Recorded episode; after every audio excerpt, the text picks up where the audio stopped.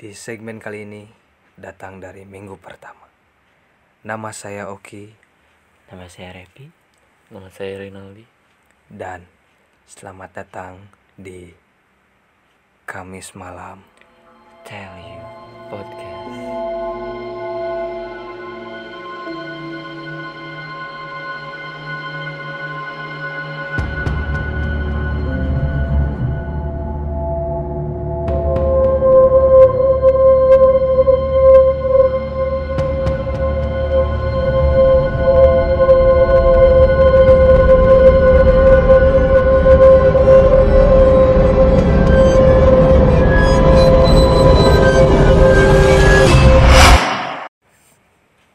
Para pendengar?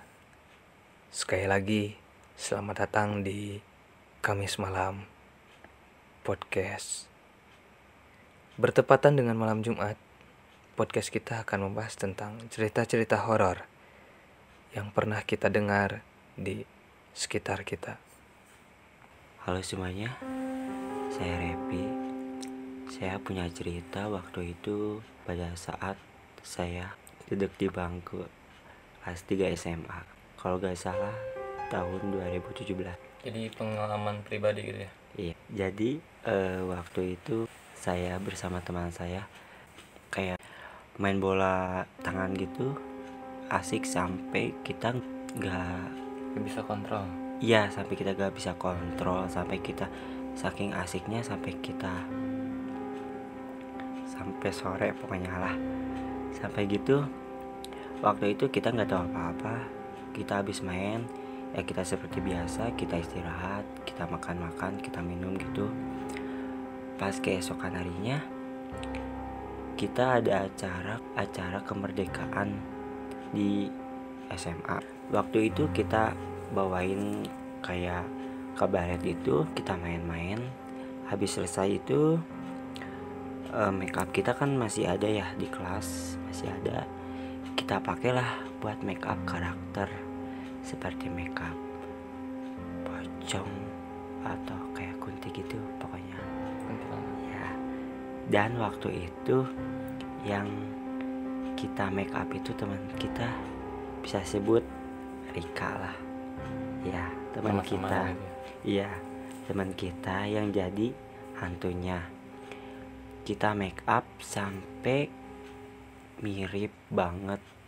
Semirip miripnya Mirip apa itu? mirip kunti. Ah bisa dibilang kunti Kuntilanak. ya. Tante, kita bilang Ya, tante. bilang tante ya. Sampai kayak darah darahnya gitu mah mirip banget. Di situ kita kan takut ya kita main bercanda bercandaan takut kita hantu hantuan gitu. Pas keesokan harinya waktu itu aku nggak sekolah teman aku itu ada yang ngebarin katanya Rep ini kenapa Sirika kok beda sih itu kejadiannya jam 10 pagi di kelas jadi setiap jam 10 pagi teman kita Rika selalu gak sadar dan akhirnya kayak kerasukan Itu kejadiannya setelah abis make up make up itu. Iya, habis kita make up make upan waktu itu.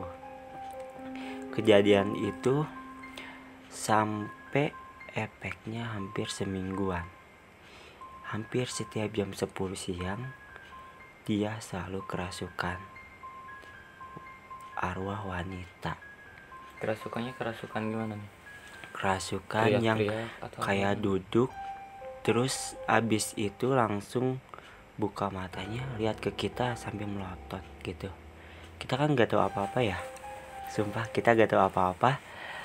Kita cuman kayak ketakutan gitu sampai akhirnya kita penasaran kita bikinlah pengajian di kelas itu semua. Udah kayak gitu kita baca yasin lah. Dan teman kita si Rika itu di tengah tengah posisinya. Kita di pinggir sambil bikin lingkaran gitu. Kita baca yasin bareng-bareng. Di situlah teman kita berontak marah banget sambil nunjuk-nunjuk sampai melotot ke kita yang waktu itu main bola Si tangan Rika itu.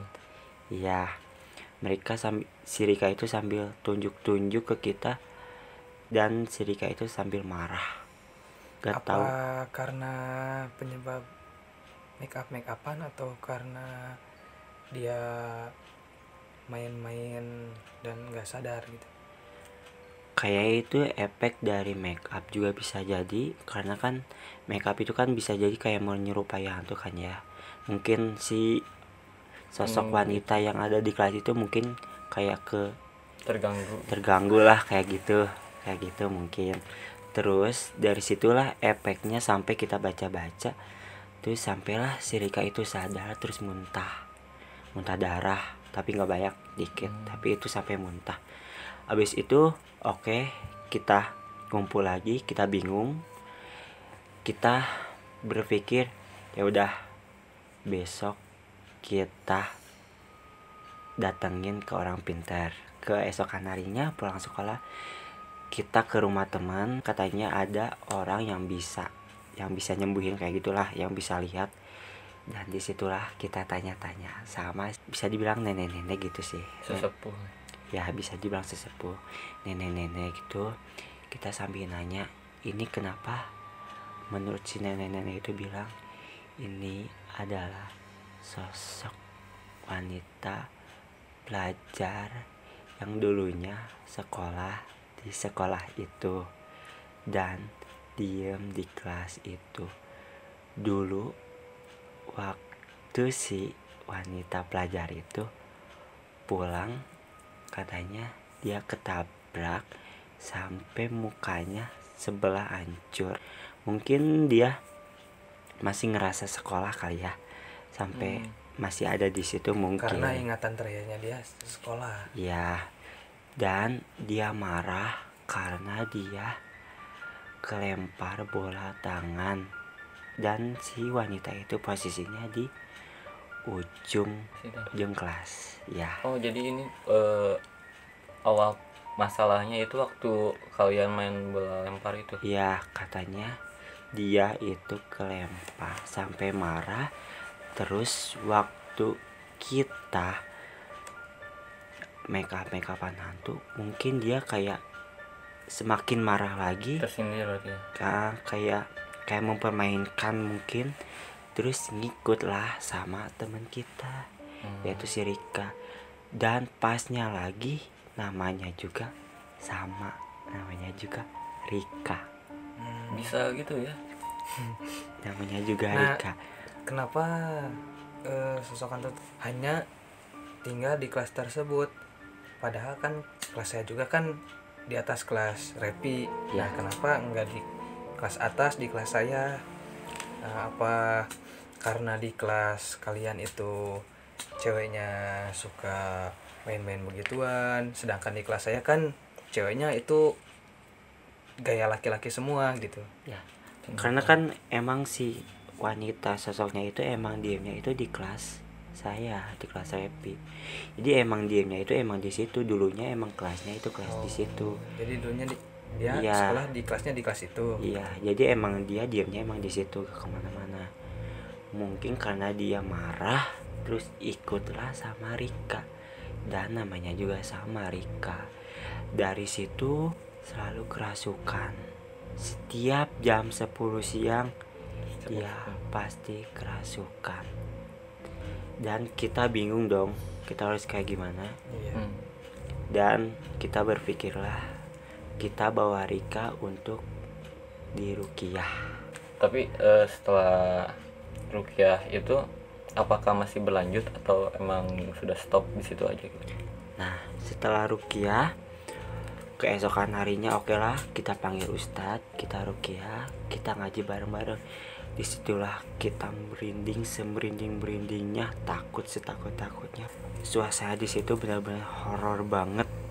jadi Si, si, atmosfernya jadi berubah gitu iya, si Rika itu disuruh tidur, terus ditutup pakai kain putih, gak tahu kain apa, gak tahu kain kapan, gak tahu, gak tahu kain apa. jadi kayak ritual gitu atau apa? Iya kayak kayak gitu ditutup gitu terus dibacain pakai Al-Qur'an. Di situ dia kayak marah-marah gitu marah semarah-marahnya sambil nunjuk-nunjuk gak mau keluar dari si badannya itu gak mau pergi. Efek dari Rukia itu si Rika emang udah nggak kerasukan lagi. Cuman jadi ke kitanya itu jadi neror Error itu dalam artian error apa? neror jadi setiap malam kita itu gak bisa tidur. Dan selalu mimpi-mimpi yang aneh. Kayak semacam mimpi di kelas lah mimpi pokoknya tentang kejadian-kejadian yang kayak gitu. Setiap malam kita gak bisa tidur. Setiap jam 1 jam 12an kita selalu bangun dan merasa takut seperti ada yang ngeliatin itu kejadiannya buat sama satu kelas itu atau cuma orang-orang yang hanya orang-orang yang main itu. main sama Sirika. Hmm. waktu kita cerita semua sama. Gak bisa tidur. Sampai akhirnya kita jadi sensitif. Sampai kita main kita selalu merasa ada yang merhatiin selalu ada yang ngeganggu tapi nggak terlalu parah cuman kita merasa diganggu aja dan sedikit sensitif gak seperti biasa.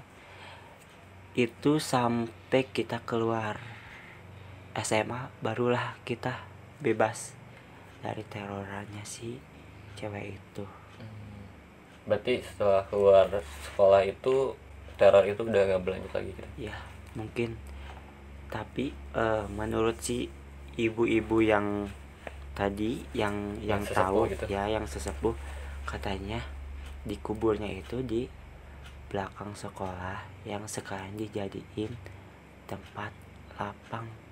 Dia minta dicariin makamnya tapi kita gak gak sanggup karena kita gak tahu kan itu dulu.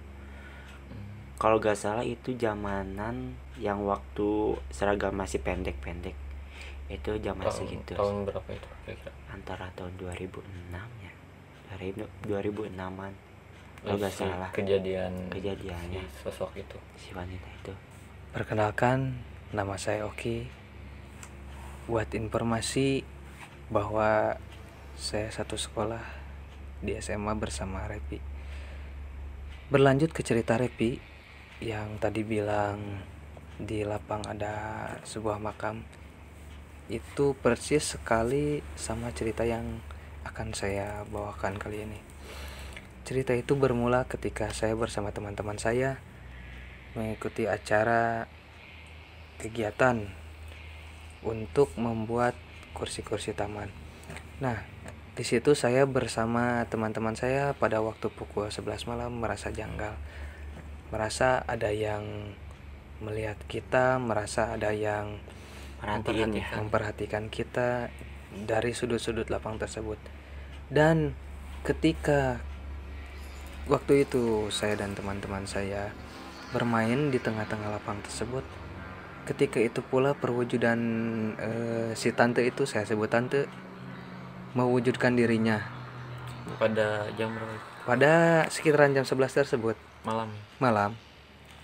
Kegiatannya itu diadakan malam karena kalau siang kita Kegiatan sibuk sekolah ya. kegiatan sekolah. Nah ketika itu juga eh si tante tersebut ketawa. Ketawa melihat kita bermain melihat kita bekerja melihat kita mengikuti kegiatan tersebut pada saat itu, sontak saya bersama teman-teman saya merasa ketakutan karena adanya perwujudan. Itu sangat jelas sekali, sangat jelas terlihat oleh saya dan teman-teman saya. Dan ketika saya berpindah tempat dari lapang ke- menuju panggung, ternyata si hantu tersebut mengikuti kita. Kan di belakang panggung itu ada sebuah kantin. Nah, iya ceritanya si hantu tersebut itu suka menangis-nangis di kantin tersebut.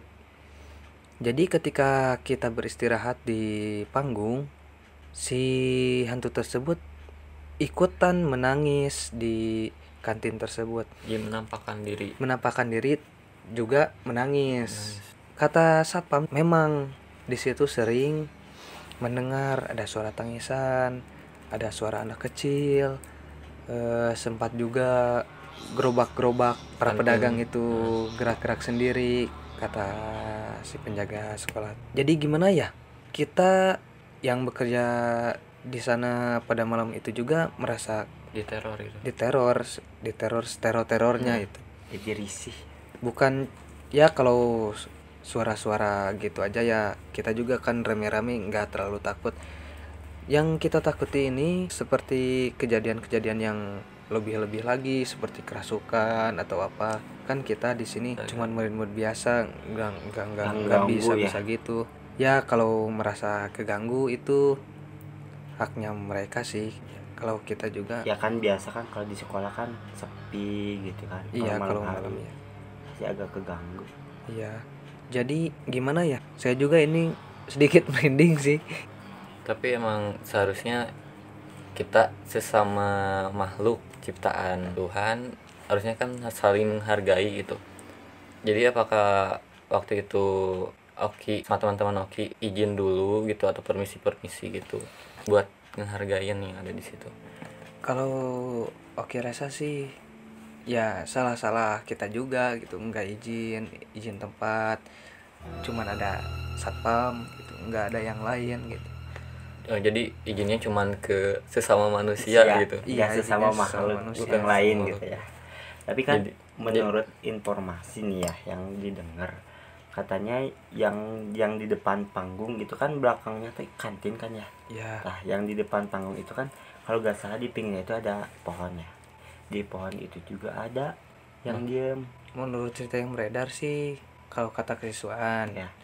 Itu suka diamnya di ruang geografi sebelah kiri Oh.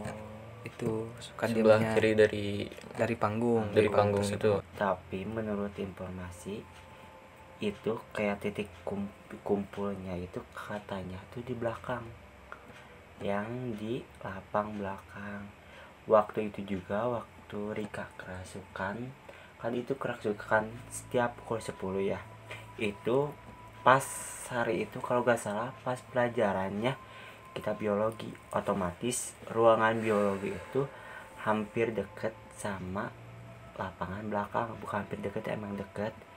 Dia itu selalu lihat ke belakang sambil nunjuk-nunjuk kayak pengen pergi ke situ.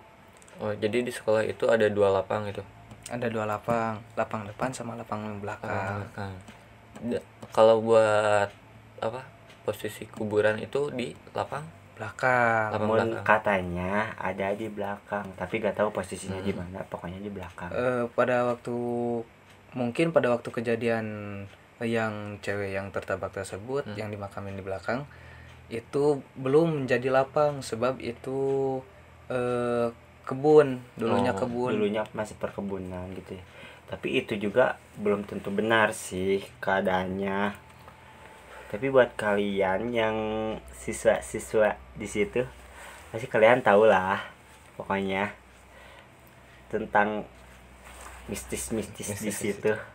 Lumayan sih.